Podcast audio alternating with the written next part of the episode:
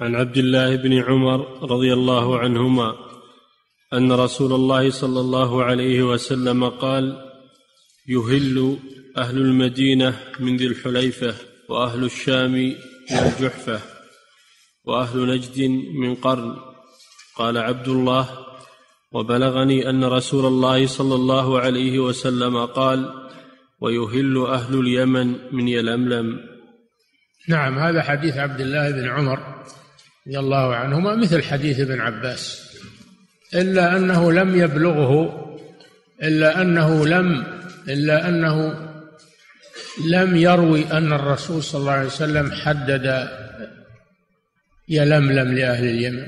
لم يسمع هذا من الرسول صلى الله عليه وسلم. وإنما بلغه أن الرسول صلى الله عليه وسلم حدده. وهذا من دقتهم في الرواية وتحريهم. فالمواقيت التي سمعها من الرسول صلى الله عليه وسلم بلغها والذي لم يسمعه قال بلغني ولم يقل سمعت رسول الله صلى الله عليه وسلم. ولكن حديث ابن عباس فيه صراحة أن الرسول حدد لأهل اليمن يلملم نعم